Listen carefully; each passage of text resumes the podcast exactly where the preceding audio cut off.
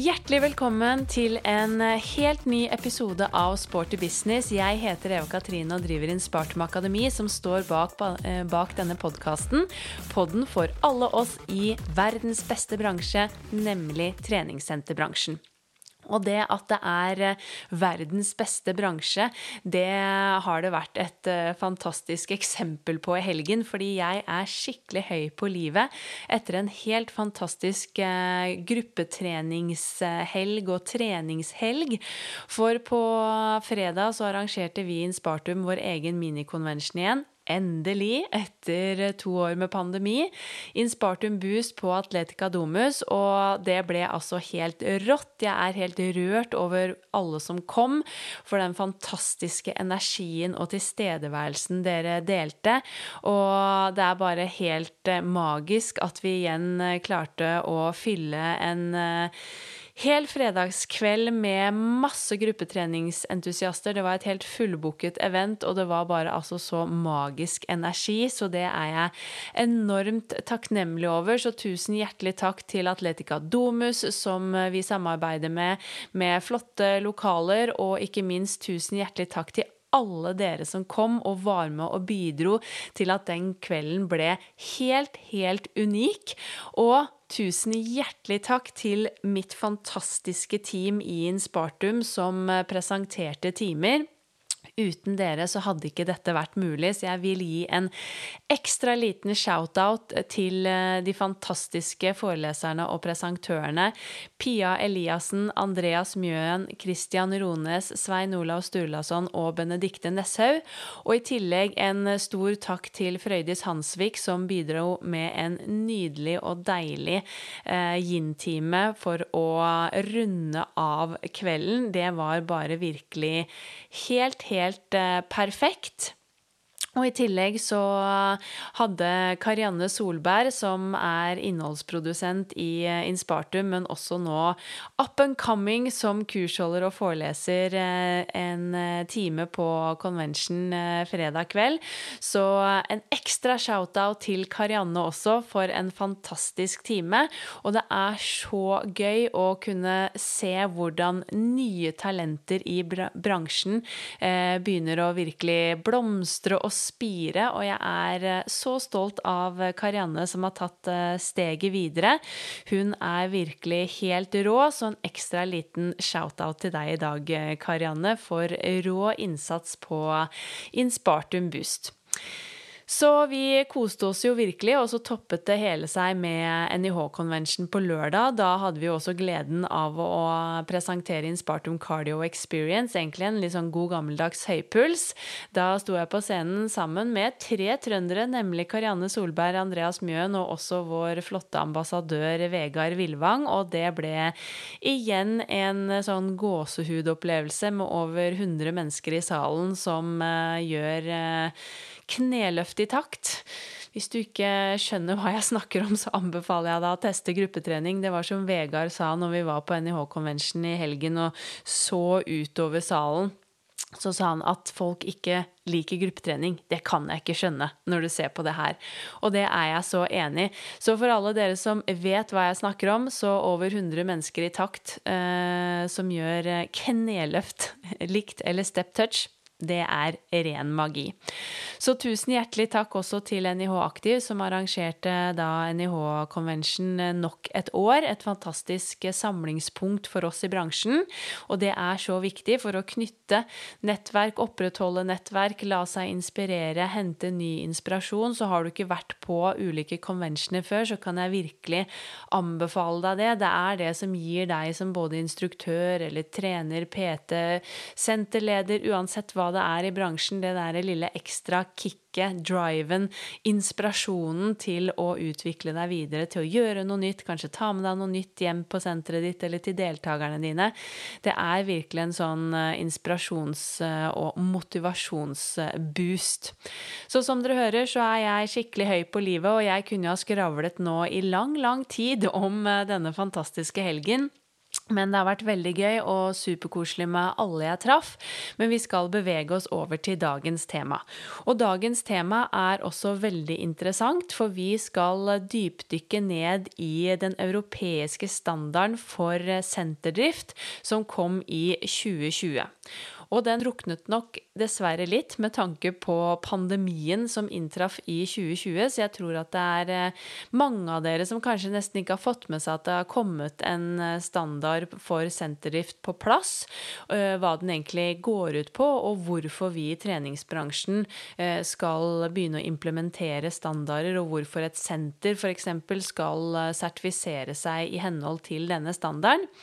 Så derfor er dette et tema som er utrolig viktig, og som jeg håper at dere gleder dere til å lære mer om. Og sammen med meg så har jeg Anne Sigrid Stiklestad Christoffersen, som var med på utviklingen av denne europeiske standarden for senterdrift, og som nå eh, er eh, sentral i revisjonen av denne standarden. Og det kommer også et, eh, en ny del av denne standarden som omhandler personell på treningssentrene, som kommer til å bli veldig spennende.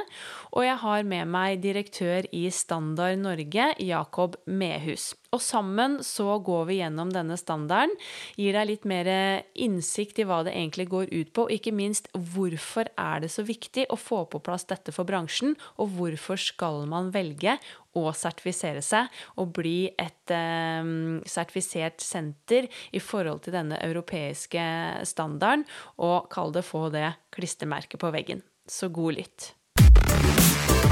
Hjertelig velkommen til eh, Sporty business podkast, eh, Jakob og Anne Sigrid. Veldig hyggelig å få lov til å sitte her i Standard Norge sine freshe lokaler og få lov til å podde sammen med dere. Så nå har vi faktisk eh, akkurat eh, et møte angående denne europeiske standarden for treningssenterbransjen, som fortsatt er i utarbeidelse, men som har kommet ut allerede. Og det er jo det jeg tror mange i bransjen ikke kjenner så godt til, og det er jo det vi skal dypdykke ned i i dag. Så nå har i hvert fall Anne Sigrid og jeg forflyttet oss fra møte om standardisering, og nå skal vi podde om standardisering. Men Eh, før vi setter i gang, så er det veldig hyggelig å få en liten sånn introduksjon av gjestene i dagens pod. Så Jakob, har du lyst til å ta ordet og fortelle litt om hvem du er? Ja, det kan jeg godt. Eh, jeg heter Jakob, Jakob Mehus og er eh, administrerende direktør i den organisasjonen som heter Standard Norge. Jeg har jobbet her egentlig ganske lenge. og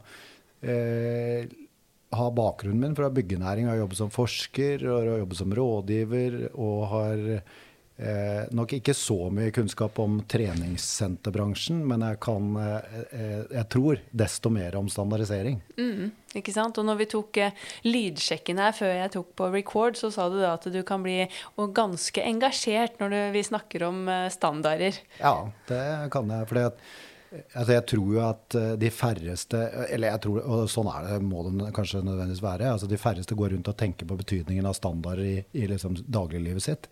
Men faktum er jo at de aller fleste av oss forholder seg indirekte til tusenvis av standarder hver eneste dag. Og vårt moderne samfunn hadde ikke fungert uten standarder og standardisering. Eh, så, så, enkelt er det egentlig. Mm. Men, eh, og da, for å, for å nå igjennom med det, så må man ha litt engasjement da, tror jeg. Ja. Har du noe forhold selv til treningssenterbransjen? Ja, jeg har jo det. Men, men jeg, jeg, tror jeg kanskje jeg må melde meg i den kategorien som er litt sånn eh, kategorien støttemedlem, har jeg vært. Eh, jeg er nok ikke av de som helt har, har knukket koden på hvordan jeg skal eh, være aktiv eh, på et treningssenter og få det til å fungere i hverdagen min. Dessuten så har jeg alltid vært mest glad i lagidrett. Ja. Eh, og eh, spille fotball og ishockey og sånn. Og det, så det har tiltrukket meg enda mer. Da. Men, mm. men det, er, altså, eh, det, er, flott for de som liker det. Jeg har en datter som er glad i å gå på treningssenter. Ja, og det viktigste er jo at man finner noe man trives med, så man holder seg i gang. Det er jo det aller viktigste. Men du Anne Sigrid, jeg kjenner jo deg ganske godt, men det er jo ikke sikkert eh, alle andre på, eller lytterne våre kjenner til deg. Så kan du ikke også gi en liten sånn introduksjon av deg selv? Jo, det kan jeg, vet du. Eh, jeg heter Johanne Sigrid Stiklestad Christoffersen og bor på Stiklestad. Eh, og driver to treningssenter på Innherred, Verdalen og Levanger.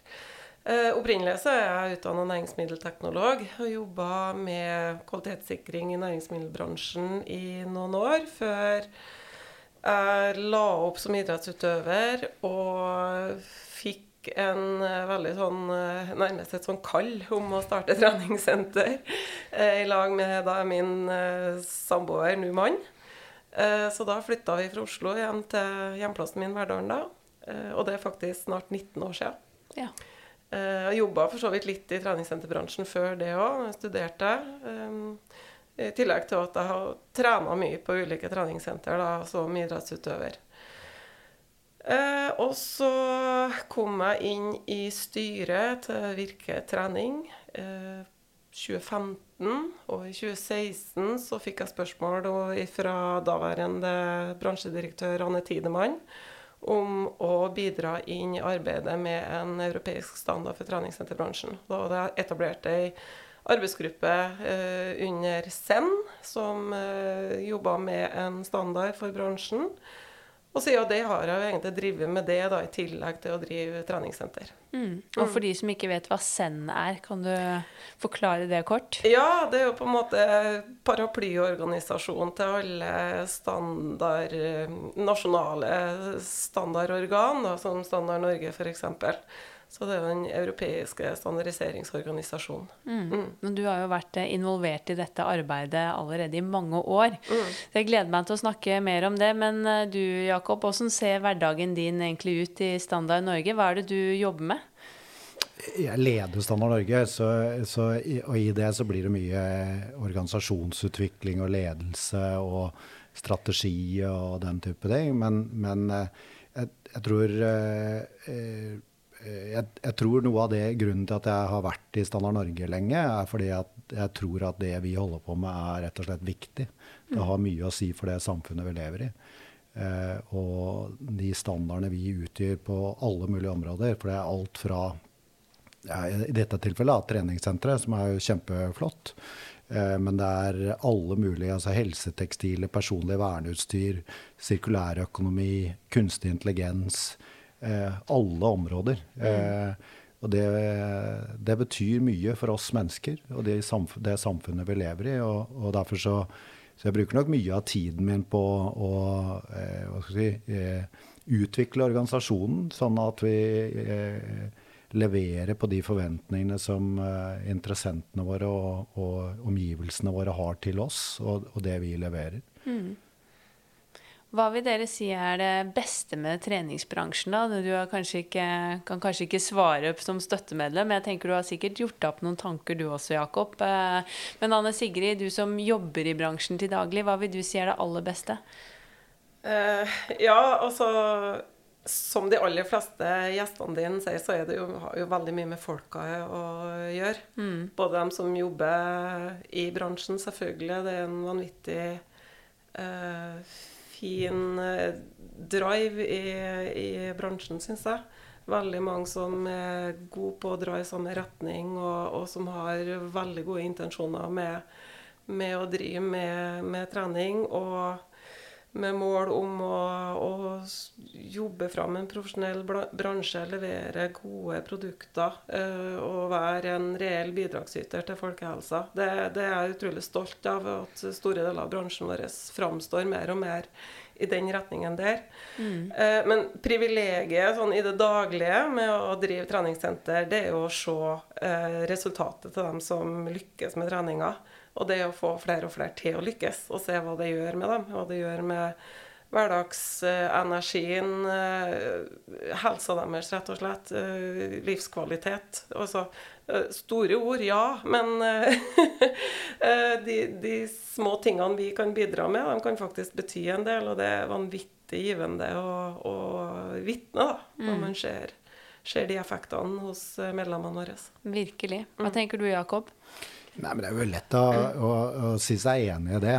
Altså, jeg, jeg tror jo Eh, at treningssenterbransjen og treningssentrene de har jo masse å si for, eh, for folks velvære og, og, folkehelse og trivsel og eh, energi. Og, og, og, jeg, så tenker jeg at treningssentrene kanskje bidrar med noe veldig viktig når de motiverer de som er sånn nesten motivert for å trene, men ikke helt nok på egen hånd. Og at treningssentrene på en måte gir et veldig viktig bidrag til dem og får dem engasjert. Eh, og, og, så liker jeg jo veldig godt det som ble sagt her om å, å profesjonalisere tjenesten og være liksom, ordentlige aktører. Eh, så det er veldig lett å være enig og veldig lett å forstå måte, motivasjonen for de som holder på med det. Mm. Og der er vi jo inne på noe viktig, nettopp dette med profesjonalitet, ytterligere profesjonalisering av bransjen. Og det er jo noe jeg også virkelig brenner for. Og ble jo glad når du, Anne Sigrid, inviterte meg inn i denne komiteen som jobber da med denne standarden for uh, treningsbransjen.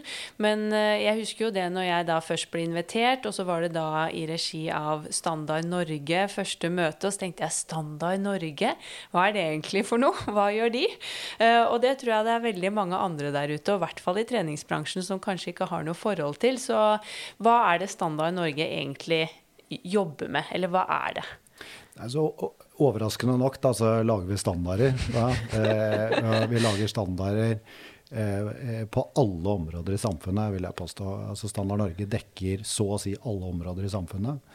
Eh, det er noen få områder som ikke er vårt ansvar. Elektroteknisk er et av dem.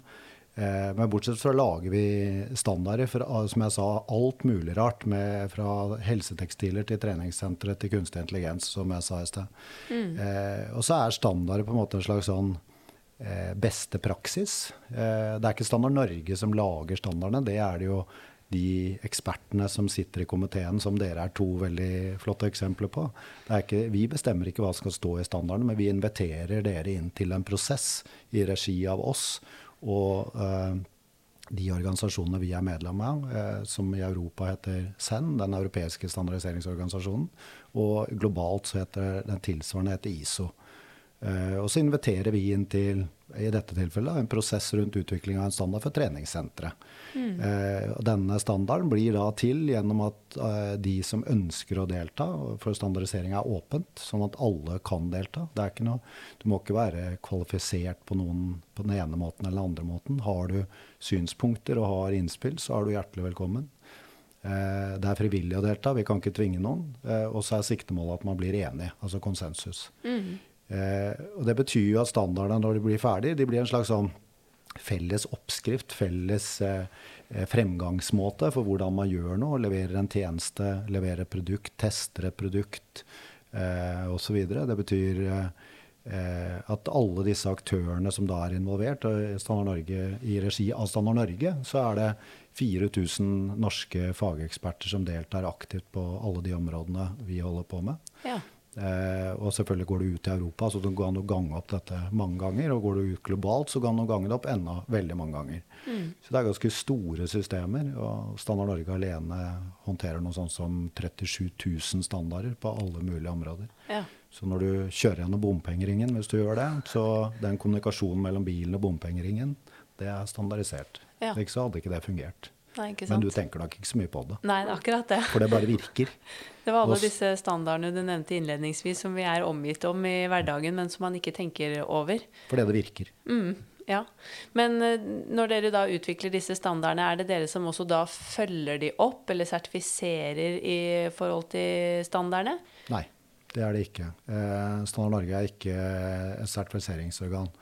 Så Standard Norge leverer standardene, og så er det egne eh, organisasjoner selskaper som, som, står for sertifisering. Mm. Eh, I noen land så er det sånn at eh, standardiseringsorganisasjonene også har et tilbud om sertifisering, men, men, det er ganske viktig at de to delene er atskilt. Ja. Eh, og at de to delene ikke på en måte blandes.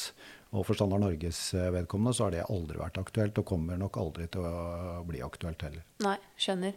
For meg er jo denne standard, dette standardiseringsarbeidet ganske nytt. Men du har jo som nevnt eh, vært involvert eh, lenge, Anne Sigrid. Kan du ikke fortelle litt om eh, hvordan dette arbeidet har vært fra du kom inn i Standard Norge og begynte å jobbe med den europeiske standarden for treningsbransjen? Jo, eh, vi kom jo inn øh, litt ut i prosessen. Eh, arbeidet med en felles europeisk standard starta noen år før vi ble medlem i den arbeidsgruppa. Så da lå det jo et, eh, ja, et utkast, et rammeverk, egentlig i bunn, som vi tok del i å arbeide oss igjennom, nærmest ord for ord, setning for setning, eh, for å utforme det her minimumskrava til hvordan du skal drive et treningssenter. Og da er det jo i den første delen av standarden som er lansert så langt, så er jo hovedfokuset på at det skal være sikkert og trygt for medlemmer å trene på treningssenter. Eh, og så kommer det jo nye deler nå etter hvert som må omhandle eh, kompetansen til de ansatte, og hvordan man sikrer trygg overvåkning og, og, og, og sikkerhet i forhold til videoovervåkning osv. Mm. på treningssentrene. Så vi har sittet og jobbe oss gjennom eh, avsnitt for avsnitt. Eh, så har jo eh, utkastene vært sendt på høring, og så har vi fått tilbakemelding og innsigelser fra speilkomiteer rundt omkring i Europa. Så har vi måttet ha gjort justeringer, og så har vi et, etter hvert da kommet fram til et uh, forslag som vi har fått konsensus for. Og det vil jo si at alle europeiske land slutter seg til teksten og, og og stemmer ja for å, måtte innføre den standarden som en felles standard for hele den europeiske treningssenterbransjen. Mm. Så det er ganske sånn langtekkelig, nitidig arbeid. Jeg bruker å si det for spesielt interesserte. og det er en av dem. ja. Eh, og så var jo det store neste spranget var jo å få oversatt den til norsk. Og vi skulle kjøre en stor lansering i Norge i februar 2020. Og alle vet jo hva som kom rett i etterkant av det. Mm. Vi fikk først en liten utsettelse, for vi skulle ha med oss helseminister på lanseringa.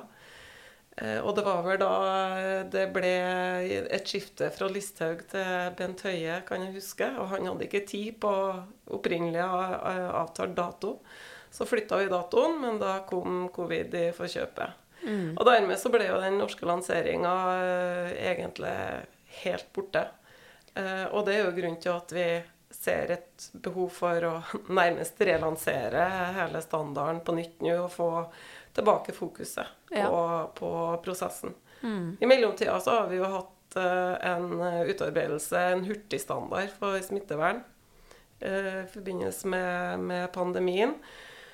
Og det tror jeg egentlig var en god hjelp, for da fikk vi jo en forståelse for hvor viktig det var å ha et felles eh, rammeverk og felles retningslinjer for hvordan vi skulle gjøre ting. Mm. Eh, og mange treningssenter opplevde jo det som eh, et utrolig viktig verktøy, både for å vite sjøl hvordan man skulle jobbe for å redusere risiko for smitte, men òg i forhold til å kommunisere kommunalt og, og og eh, øvrige myndigheter for å få lov til å holde treningssentrene oppe. Eh, eller bli enige om hvordan man skulle eh, tilrettelegge for trygg drift da, framfor å bli helt nedstengt. Ja. Det opplevde jo vi selv lokalt òg med å ha god dialog med kommuneoverlege. Mm. Mm. Så selv om lanseringen i 2020 ikke ble som ønsket, så kan vi jo på én måte tenke at det har kommet litt positivt ut av det også. fordi det var jo nettopp det vi så gjennom pandemien, at treningsbransjen fikk jo ikke den uh, anerkjennelsen og kredibiliteten som vi selvfølgelig mener at vi kanskje burde ha, og ble ikke sett på, den, på, sett på som den folkehelseaktøren vi ønsker å være.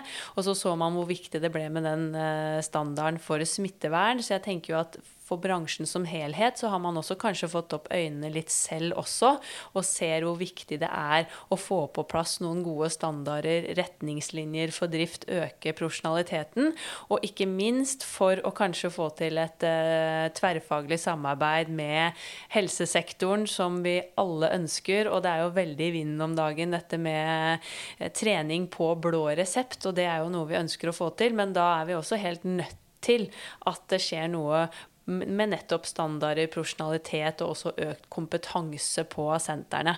Eh, og det er jo nettopp denne mm, europeiske standarden for treningsbransjen jeg har lyst til å snakke med dere om. For jeg tror det er veldig mange i bransjen som ikke har hørt om den ennå en gang. Og det falt jo litt igjennom i 2020. Så kan ikke dere fortelle litt om hva denne standarden egentlig er? Eh, det er jo en standard som beskriver eh, egentlig litt sånn eh, minimumskrav til drift av et treningssenter.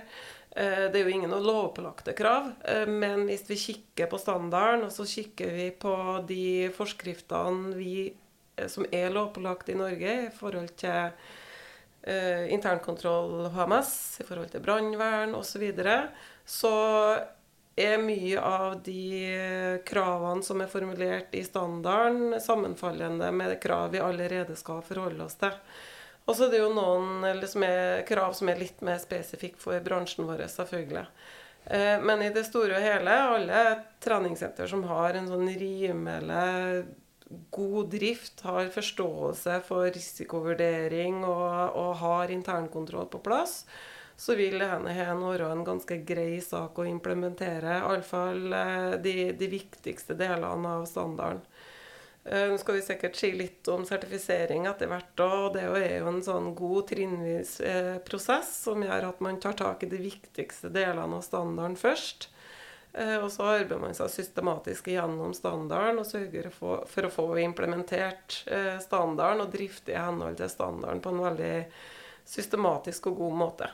Mm. Så har vi òg eh, et arbeid eh, godt i gang med en god digital plattform, eller et arbeidsverktøy, som vil eh, enkelt hjelpe treningssentrene til å implementere denne igjen og, og, og gjøre si, arbeidsdagen enklere. da med at man har digitale sjekklister. Man kan gå rundt med paden og, og, utføre de internkontrollene og de sjekkene. Og enkelt ha dokumentert at man drifter i henhold til de standardkravene og de prosedyrene man har utarbeida, og som man på en måte har forplikta seg til å, å, å, forholde seg til da, i drifta si.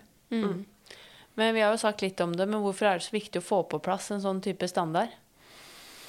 Altså, jeg tror jo at eh, eh, veldig ofte da, så en, dreier seg en standard seg om de, de, delene av en virksomhet som man egentlig ikke trenger å konkurrere om.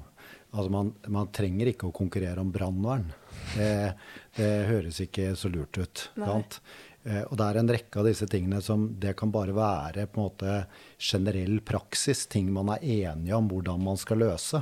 Og så skal jo helt sikkert treningssenterkjedene og de individuelle sentrene konkurrere som bare det.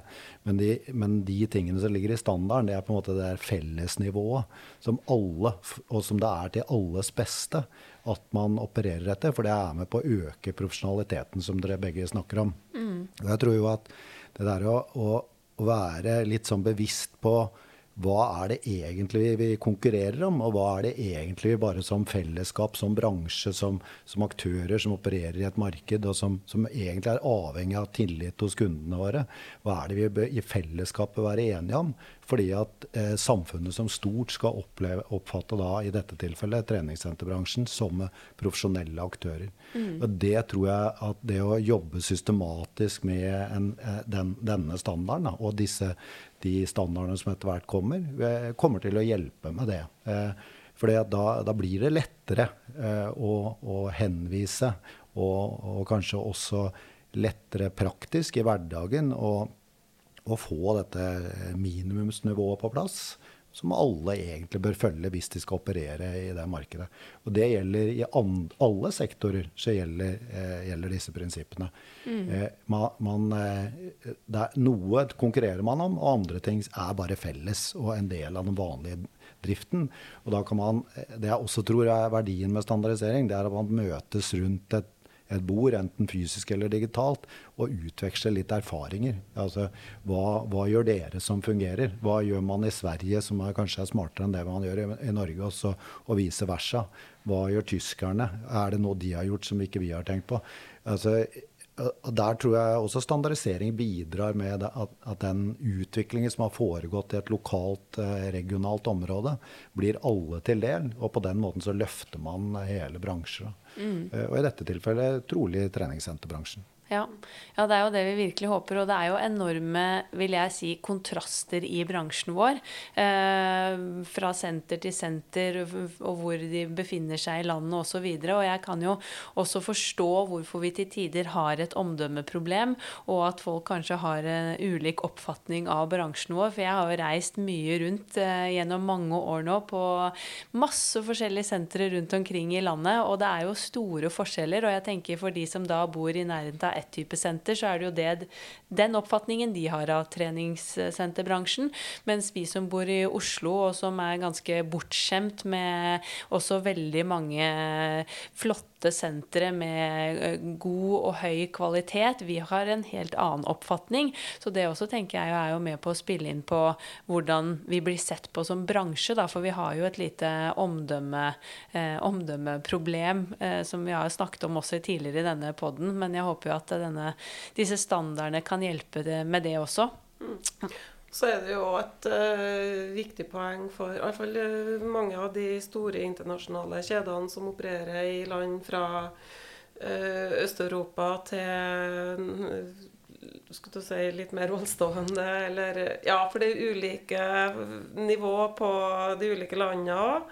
Og det er klart, når det, du som kjede har et noenlunde standardisert produkt, møter veldig ulike krav etter hvilken, hvilket land du skal etablere deg i så er jo det jo en kjempeutfordring. Mm. Eh, så det jo vært et viktig poeng på europeisk nivå at, eh, at, du skal møte samme kravene uansett hvilket eh, europeisk land du etablerer virksomheten din i. Ja, Du nevnte jo at dette er jo en standard, og det vil jo bli anbefalt, selvfølgelig, men det er ikke lovpålagt. Men hvordan fungerer det i Standard Norge sånn generelt?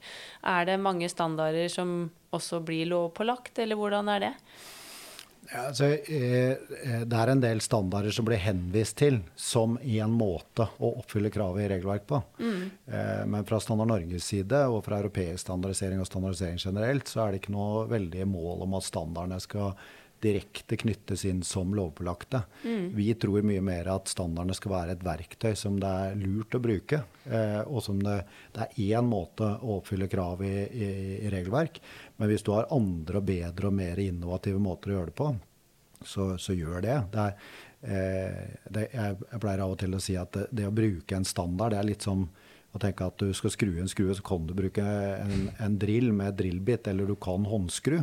Eh, og, men valget er ditt. sant? Ja. Altså, vil du trekke veksler på det som en samlet europeisk treningsbransje, treningssenterbransje har funnet ut at er lurt, å, å bruke, eller vil du finne på selv? Mm. Og så er valget ditt.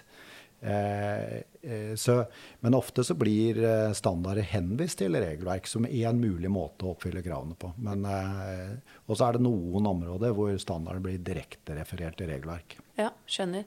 Vi har jo nevnt ordet europeisk standard mange ganger. Er alle europeiske land med på, eller står bak denne standarden?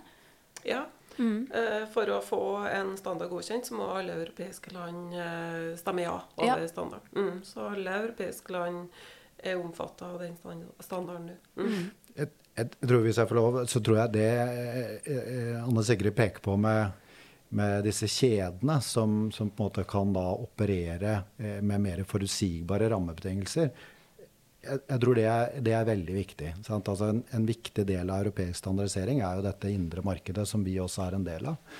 Eh, men det man heller ikke skal undervurdere, det er jo mulighetene det skaper for norske aktører andre steder. Mm. Fordi at det er den samme standarden som gjelder der også for de aktørene som kommer fra, fra Norge. Så det skaper også en mulighet for norske aktører å bevege seg ut i Europa hvis de skulle ønske det, og hvor rammebetingelsene er kjent. Eh, mm. Fordi at man har felles spilleregler, og fordi at man gjennom avtaleverket som vi har, er, i hvert enkelt land er forpliktet til å trekke tilbake eh, og gjøre ugyldig enhver en nasjonal standard som er i konflikt med denne europeiske standarden.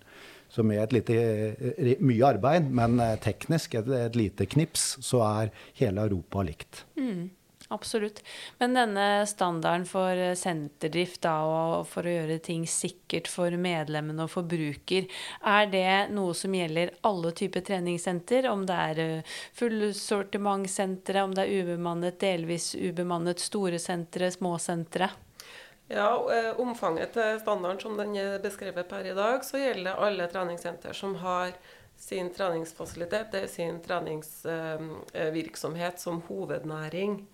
Eh, det vil si at eh, type hotell som har treningsrom, bedrift, store bedrifter som har treningsrom osv. per i dag ikke er omfattet av standarden, men, men alle treningssenter, uavhengig om du er betjent eller i om du er et eh, lite, ubekjent senter, eller om du er fullt sortiment, så, så er du omfatta av standarden. Og så vil jo selvfølgelig være For et lite ubekjent senter så vil jo være en del eh, eh, si, avsnitt da, i standarden som eh, ikke er relevant.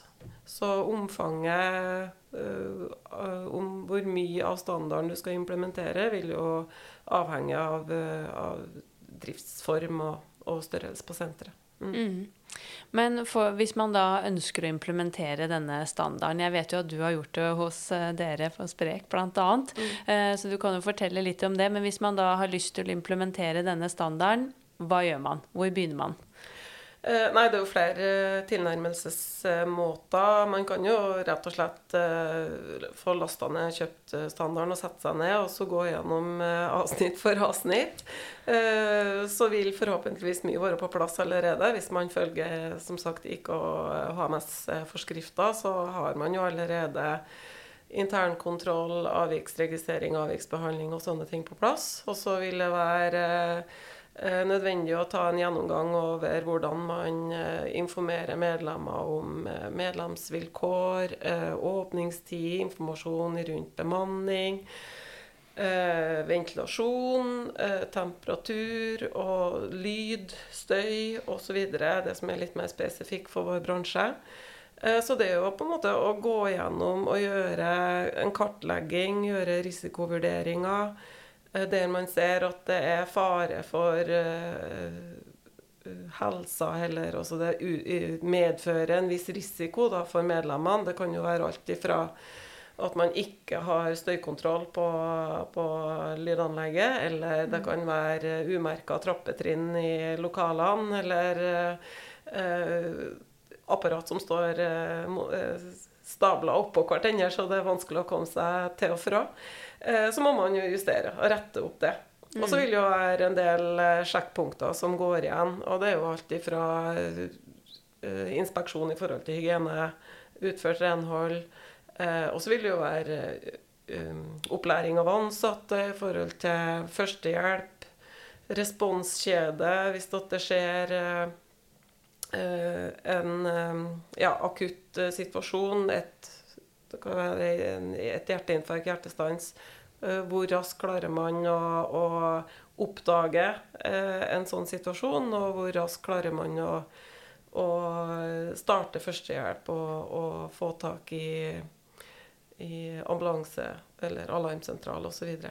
så det er mye sånne ting man må sette seg ned og gå igjennom. Hvordan ser det ut til oss? Er det ting vi bør rette på? Er det ting vi bør eh, endre for å redusere risiko? Og så skal man jo da etter beste evne dokumentere at man har uh, gjort, uh, tatt tak i disse tingene. Mm.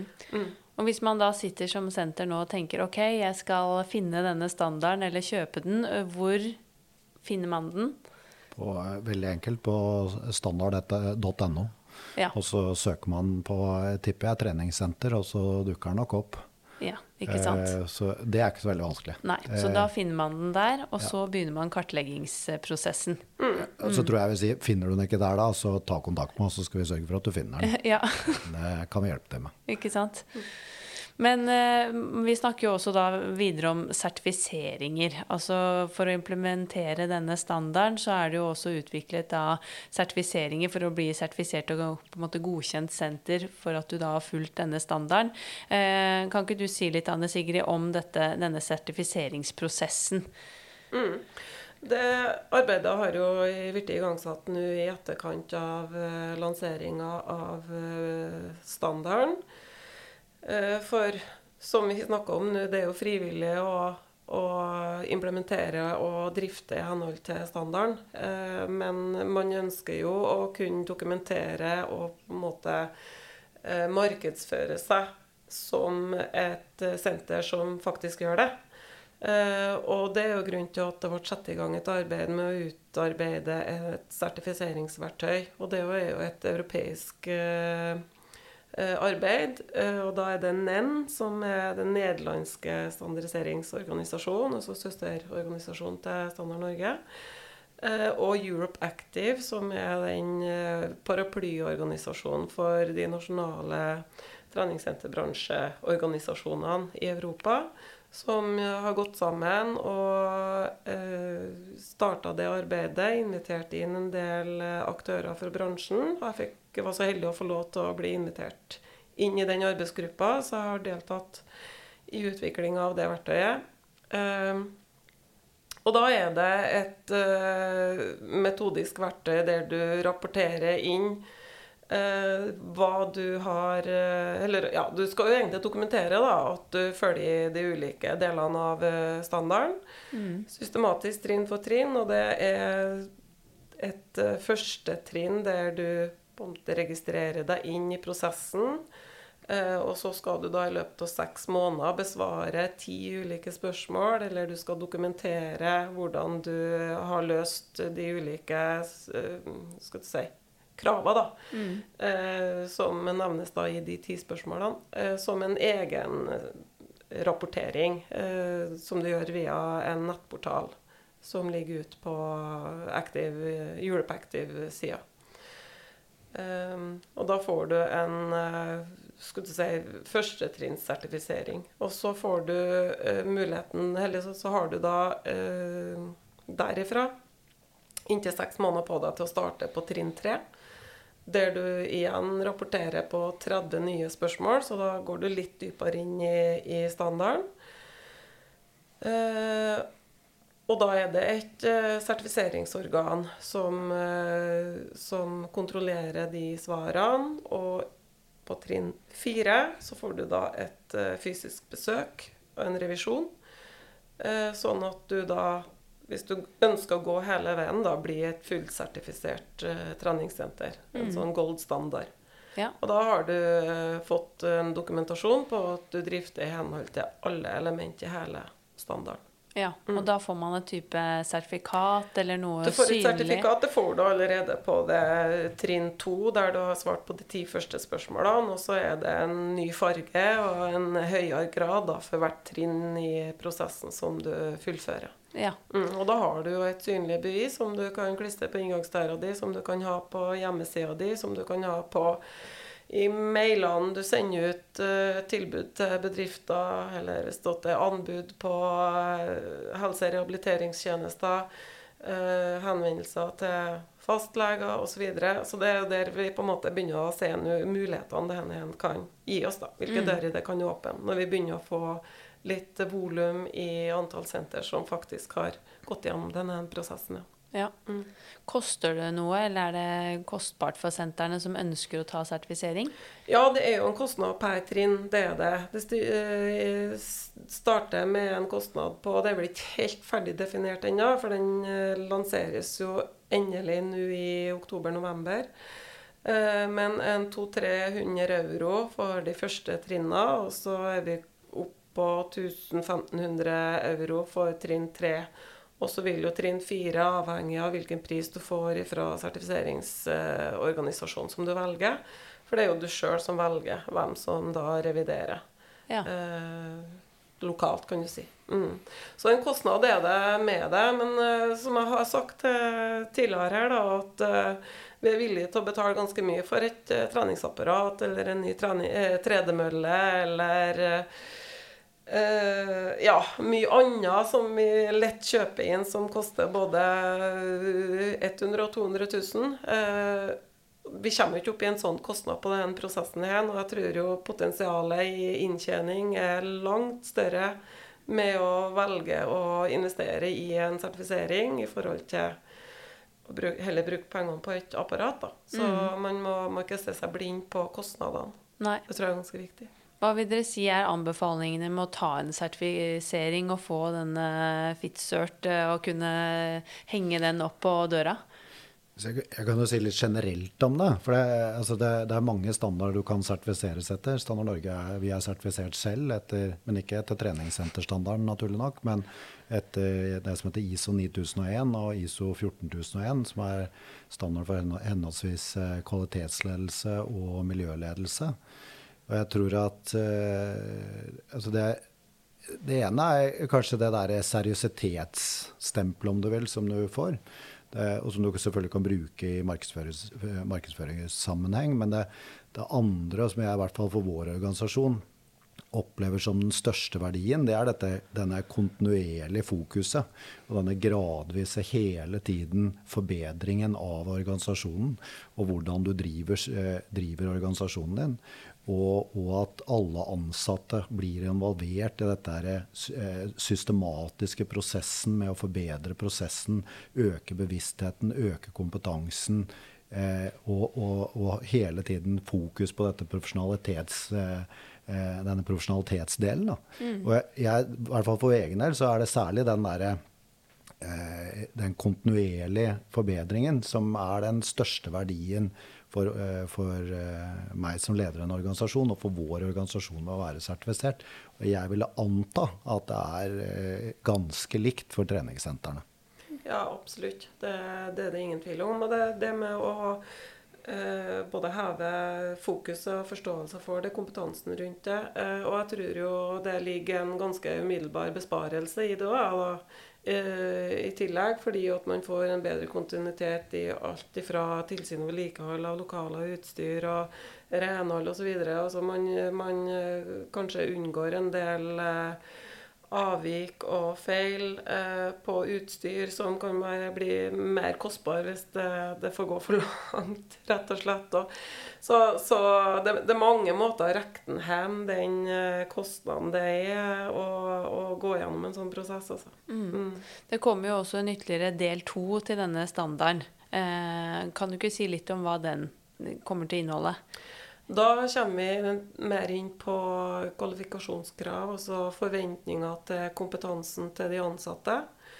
Eh, og da definerer man litt ulike typer roller, altså rent operativt eh, personell, type eh, resepsjonist, renholdere osv. Og så er det kompetent personell som har treningsfaglig utdanning eller kompetanse. Så er det en, en god, fin oversikt over hvilke si, kompetanse og egenskaper, og, og hvilket fokus de ulike profesjonene skal ha i utøvelse av rollen sin, eh, som er definert. Eh, mm. igjen så er jo det ganske sånn basic grunnleggende, og det er vel ingen som blir veldig skremt hen til lands, i hvert fall, eh, hvis man leser gjennom de kvalifikasjonskravene. Så det er jo ikke noe som er noe, noe, utfordrende i norsk sammenheng å etterleve. Men eh, det er jo et uh, minimumsnivå som man har blitt Eller minimums, men iallfall det, på en måte det nivået man har klart å bli enige om, da, eller ser ut til å bli enige om iallfall da på europeisk nivå, sånn at vi får igjen da en sånn felles plattform for hele Europa. Mm. Og Det betyr jo at man lettere kan jobbe på tvers av landegrensene igjen da man møter de samme kravene om man er instruktør fra Sånn som nå, så jeg, Senest i går så hadde jeg en ukrainsk flyktning innom senteret mitt og lurte på ja. om eh, kvalifikasjonene hun hadde fra Ukraina, eh, var godkjent i Norge. Ja. Og det er jo i utgangspunktet litt vanskelig å svare på, men med en sånn standard så kan du jo faktisk si noe om det. Ja, mm. ikke sant. Jeg har hørt om eh, flere tilfeller av det, faktisk. Og også noen som allerede er i gang på senteret og jobber som mm. instruktører. Så det er jo fantastisk. Mm. Men blir dette da en ekstra sertifisering, eller den, blir den delen en del av den samme sertifiseringen? Den vil inngå i samme sertifiseringa. Ja. Mm. Mm. skjønner. Så den del to eh, I tillegg til kompetanse så, så omtaler den jo alt som har med videoovervåkning eh, å gjøre. Eh, det er jo ikke like mye i bruk i Norge som eh, resten av Europa, så den angår jo ikke oss kjempemye. Men den vil jo nå sannsynligvis bli lansert eh, på vårparten. Eh, endelig ferdig etter en del års arbeid med den òg. Så starter vi jo faktisk da en revidering av den første delen. Og så er målsettinga å inkludere og, og smelte sammen de to delene, sånn at du står med en, en samla eh, standard eh, mm. i andre enden av den revideringa. Og da kommer vi til å, til å, ta med litt strengere krav til renhold i forhold til det som står i standarden per i dag. Vi skal inkludere mer av de digitale løsningene som spesielt poppa opp under pandemien, mm. med online coaching, eh, eh, on demand og live-videoer av, av gruppetimer, utendørstrening osv. Så videre, sånn at vi i mye større grad favner om, eh, eller beskrive bransjen som den faktisk ser ut, da ikke bare tenke innafor eh, treningsrommets fire vegger. Ja. Mm. Men hvilke forhåpninger har du kanskje spesielt, eller hva tenker dere med tanke på å få dette implementert i treningsbransjen? Jeg vet jo at du Anne Sigrid har brukt eksempelet som at uh, hvis bilen trenger service, så velger vi et uh, godkjent uh, verksted å levere bilen på. og at det samme burde være for treningssenterbransjen. At man som forbruker også kanskje kunne bli litt mer bevisst hvilket treningssenter man ønsker å melde seg inn på. Eh, men tror dere dette vil ha umiddelbar påvirkning på forbruker, eller kommer vi til å se kanskje andre mm, positive fordeler for bransjen først og fremst? Altså, for det første, jeg, men igjen, da. Ikke spesielt om treningssenterbransjen, men, men, kanskje litt mer generelt. Det tar litt tid før denne type standarder begynner å sette seg. Eh, men det er klart at i det øyeblikket noen starter å tape kunder fordi at ikke, kundene går et sted som, har, som, som sier at de er sertifisert, så, så skaper det jo eh, et behov i markedet, tenker jeg, eh, og som nok mange kommer til å forsøke å gjøre noe med ganske raskt. Og, så er det vel sånn at det er kanskje de, de, de som er mest opptatt av seriøsitet, de som er mest opptatt av kvalitet, de som, er, de som, ser på det som et konkurransefortrinn, at de kanskje først vil søke seg mot uh, standarden og det med å bli sertifisert. Fordi at da kan de dokumentere det fortrinnet de har, fremfor noen, noen av de andre da kanskje. Mm. Så, eh, men at det tar litt tid det, Normalt så gjør det det. Det, det er ikke sånn at det, eh, idet standarden er ute, så kommer de løpende og velter kiosken. Så, så, voldsomt er det ikke. Men, eh, men eh, altså, altså er jo, dette er noe av det som er flott med standardisering. Va? Det er at det er jo ikke Standard Norge som har funnet på dette her. Det er jo eh, treningssenterbransjen selv. Ja. Sånn at det er jo treningssenterbransjen selv som tror på dette og som mener at dette er viktig, og, og står bak dette. Og, dermed så, så, antar jo vi, eh, og det har vi ganske god erfaring med, at aktørene, eh, i hvert fall de, eh, de, som er mest opptatt av dette, de kommer ganske raskt til å ta det i bruk. Og så kommer resten etter. Mm. Og så tror jeg at noen av disse altså Nå sier vi at den første delen skal revideres. Og den på, på, på personell den skal sikkert gjennom eh, noen revisjoner, den også, for å løfte seg til det nivået som, som vi ønsker, og som vi mener er riktig. Eh, og, og, etter hvert som den blir tatt i bruk, så får man litt erfaring med hva som fungerer og ikke fungerer. Så det tar litt tid, men eh, når hele den europeiske, i hvert fall den aktive delen i forhold til standardisering står bak, så tenker jeg det er jo høyst sannsynlig så, så finner den plassen sin. Ja. Eh, litt etter litt. Det er et godt poeng det du sier, og at det er faktisk bransjen selv som står bak. For det er jo nettopp de, alle de som har deltatt i disse speilgruppene, eh, fra, sånn som her i Norge. Da, det er jo representanter fra hele bransjen og fra mange ulike deler av bransjen. Så det er jo veldig viktig at også lytterne får med seg at dette er jo bransjen selv egentlig som står bak og har hatt et ønske om. Men hva tenker du Anne Sigrid? Forhåpningene, fordelene, veien videre? Jeg tror jo det å gjøre uh, standarden uh, kjent blir ganske essensielt. Og, og, det tror jeg jo Da er det jo sertifiseringa og den på en måte bekreftelser du kan vise til gjennom sertifisering, som vil være skal du si, Det synlige beviset vil være veldig viktig. Men så må det jo jobbes på overordna nivå. og da tenker jeg kanskje først og fremst imot helsemyndighetene med å og så må vi kanskje tørre sjøl å si at disse fordelene skal et sertifisert senter ha. Vi snakker om eh, aktivitet på blå resept. Kanskje skal vi være tøffe i trynet og si det at eh, er du bedrift og skal inngå en avtale med et treningssenter, så mener vi at du skal bruke et sertifisert treningssenter. Mm. Ikke det billigste på hjørnet. Eh, for kvalitet det koster, kompetanse det koster. Og nå får vi på en måte en mulighet til å skille litt klinten fra hveten og, og vise på en måte henne er den profesjonelle delen av bransjen. Den bør dere inngå avtaler med. Mm. Og det er alt fra som sagt, offentlig sektor, helsesektor til, til det profesjonelle markedet. Og så tror jeg kanskje det ligger litt lenger fram i tid at privatkunden blir veldig opptatt av det her FitSearch-merket. Mm. Eh, så jeg tror ikke det er det som, eh, som eh, eh, vil være på en måte det store utslagsgivende i starten. Men de vil jo merke at her er det et annet nivå på det vi leverer. Mm. Og jeg tror jo fort at forskjellene kanskje kan bli tydeligere og faktisk også større etter hvert som vi blir gode på å jobbe med kvalitetssikring og bruke standarden og ta i bruk verktøy som gjør at vi, vi etablerer gode rutiner og, og har det her revisjonene og på en måte løfter oss litt da år for år så vil nok strekket i feltet bli større og større, og så vil det bli tydeligere og tydeligere hvem som leverer ordentlig vare. Mm. Jeg tenker det kommer til å bli viktig for alle ansatte i bransjen også. Og at mange trenere, instruktører, andre først og fremst vil velge kanskje da sentre som er sertifisert, og at det også kan bli et konkurransefortrinn for de som velger å ta sertifisering, kontra de som ikke gjør det. Ja, ikke sant. Og det, vi, vi, har jo Vi hører jo at mange sliter med å få tak i folk nå, faktisk. Altså få til dyktige ansatte med, med riktig kompetanse. Eh, det er mange som er godt utdanna, som sliter med å etablere seg og leve av et, eh, en PT-stilling f.eks. Det er vanskelig å få tak i gruppeinstruktører med god kompetanse.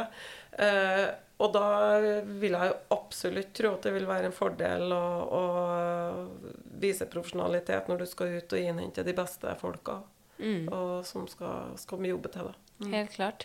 Vi gjør jo alle, allerede veldig mye bra i denne bransjen, vil jeg si, og bidrar jo virkelig, virkelig i folkehelsearbeidet. Og så er jo dette et viktig steg på veien eh, med tanke på å kunne bli en enda tydeligere folkehelseaktør, og at vi forhåpentligvis ikke blir stengt ned først og åpner sist ved eventuell neste pandemi.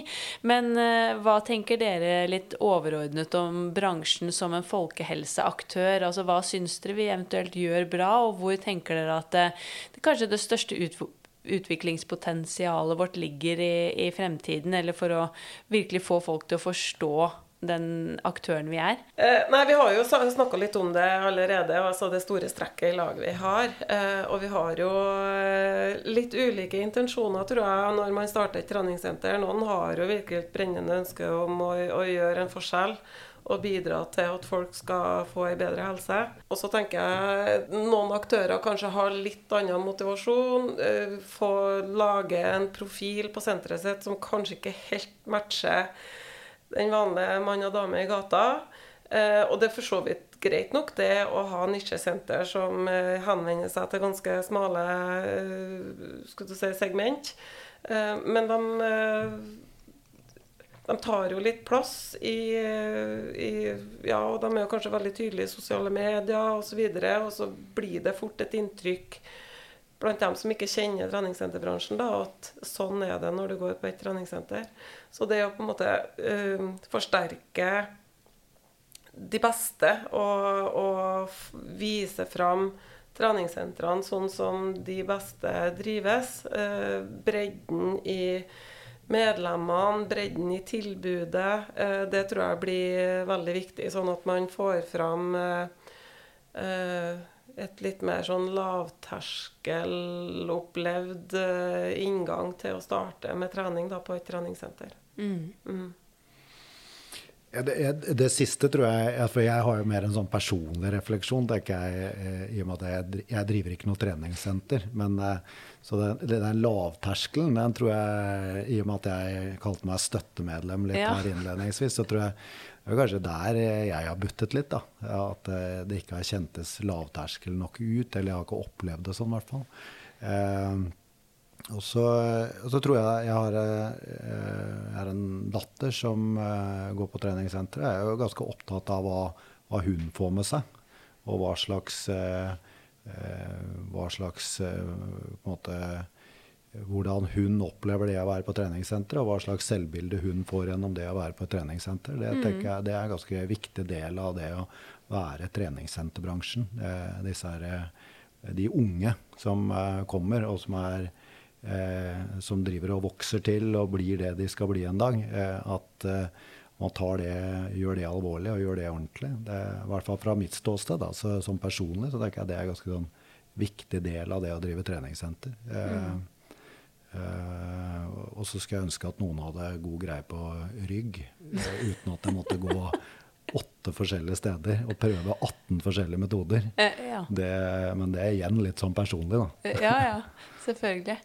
Men eh, ja, kjempegodt poeng. Og så tror jeg det at det er eh, Det er jo ikke like lett å finne frem heller i denne bransjen for eh, utenforstående, og at det kan virke både litt skremmende og ja, omfattende og kanskje litt vanskelig. Og senest en episode i Sporty Business for um, eh, to episode, siden så intervjuet jeg en som har i mange år vært både støttemedlem og også som da kviet seg for å gå inn på senteret, men eh, endte opp med å da finne gleden til slutt, og også blitt gruppeinstruktør. Så det er jo en sånn solskinnshistorie. Men eh, så ekstremt mye vi i bransjen har å lære av egentlig sånne som deg, da, som sier at du er litt støttemedlem, eller kanskje liksom har kviet deg litt for å komme inn eller komme i gang. For vi lever jo litt i vår egen boble og syns at denne bransjen er helt fantastisk og tipp topp. Så jeg tenker jo at vi har eh, masse å lære av eh, også det å snakke med eh, medlemmer og alle de som ikke er på sentrene, for å bli enda bedre i den jobben vi gjør. Så tror jeg, og Dette er et slags sånn, igjen da, fra utsiden et litt sånn hjertesukk. Det heter så mye forskjellig. Ja. Hva er det alt sammen? Ja, altså, det er jo det er en hel mirade av ting. Og, og jeg, jeg, jeg skjønner liksom hva et fragment av det er for noe. Ja. Og så blir jeg på en måte hindret litt i å For at eh, jeg skjønner jo ikke helt hva det er. Nei, nei. Eh, og disse apparatene de, som jeg aldri har holdt noe særlig på med, de er jo litt overveldende. Ja. Eh, så jeg, jeg tror eh, for å fange meg, da, det er nok en del sånne som meg, så, så er det, det er noe der. Ja, ja, vi gjør det litt for fancy og kult og vanskelig for folk flest. Og jeg har tatt meg selv i det mange ganger. Jeg ser på timeplanen, og det er bare sånn masse rare engelske ord, og det skal være så kult og hipt, men det sier jo egentlig ingenting om hva det er. Og andre typer treningsformer, og det er jo en jungel å finne frem i. Eh, Og for deg som liker eh, lagidrett, at man kanskje kunne vært litt flinkere til å inkludere den type trening også. i I Atletica i Oslo, hvor jeg jobber bl.a., så har jo kanonball blitt en hit. Vi har jo hatt kanonball på timeplanen. Eh, God gammeldags egentlig gymtime, hvor man får den følelsen av både lagidrett, og det er lek, og det er morsomt. Så det å tenke litt mer utafor boksen nå, for å favne litt bredere. Så er det et eller annet med det der, når du står på utsiden og tenker ja, men jeg, jeg har ikke så, egentlig så lyst til å komme inn i et rom full av verdensmestere i roing. Jeg har liksom ikke, er, det er ikke jeg, jeg har lyst til å treffe noen som er Og så har jeg heller ikke lyst til å komme inn i et rom med trim foreldre. Nei. Sant? Så det er et eller annet med å eh, kjenne at du kommer inn et sted som passer. Ja. Eh, og det er, eh, men, men dette er jo mer på det forretningsmessige. Jeg tenker at dette, her, her holder man sikkert på for fullt. Ja. Så, Nei, men det er eh, eh, men eh, for, for meg, meg personlig, da, så er det, det er nok her det stopper litt. Ja, men det er veldig interessant, for det er sånn som vi tror jeg glemmer noen ganger, vi som er i bransjen. Nettopp det var veldig fint å få det, ja, de refleksjonene og perspektivene. Hva tenker du, Anne Sigrid? Jo, jeg er helt enig. Og, eh, jeg prøver å presse meg sjøl litt av og til.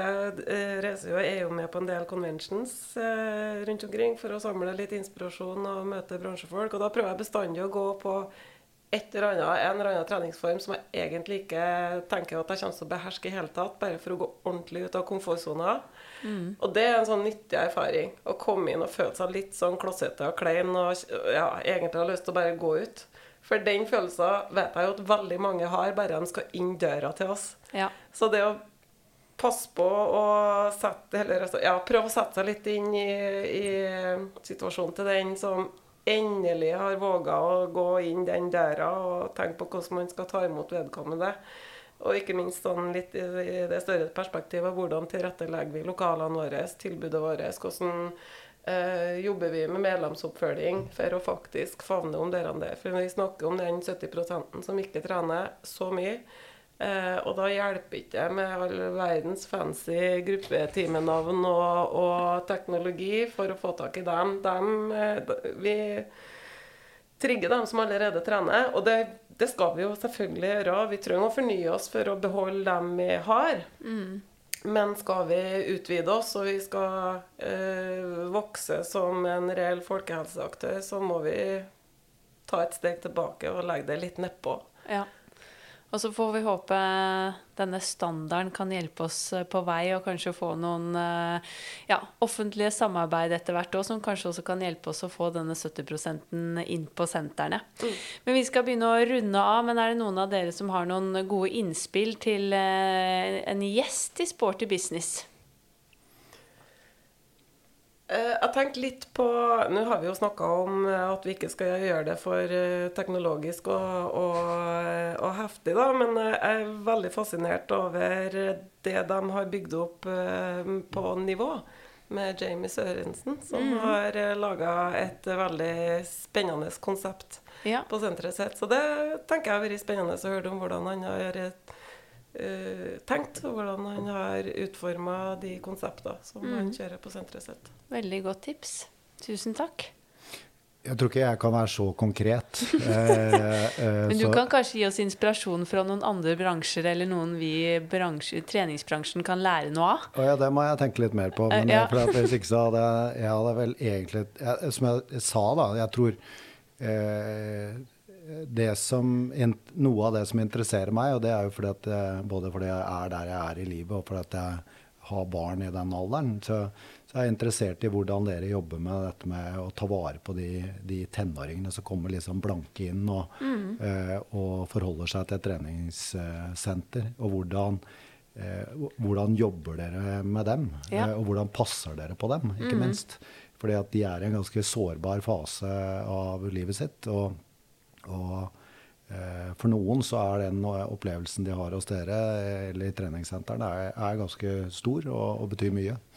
Så jeg tror det, sånn fra et personlig ståsted, så ville jeg tenkt at det var en interessant eh, samtale. Mm, eh, altså hvordan jobber man godt med, med unge eh, tenåringer. Og, eh, og så, som jeg sa fra mitt perspektiv, så hvordan er det noen som er kan man liksom nærme seg det med dårlig rygg på noe med litt standardisering, eller? Eh, eh ja. Der er det mye rart, altså. Eh, ja.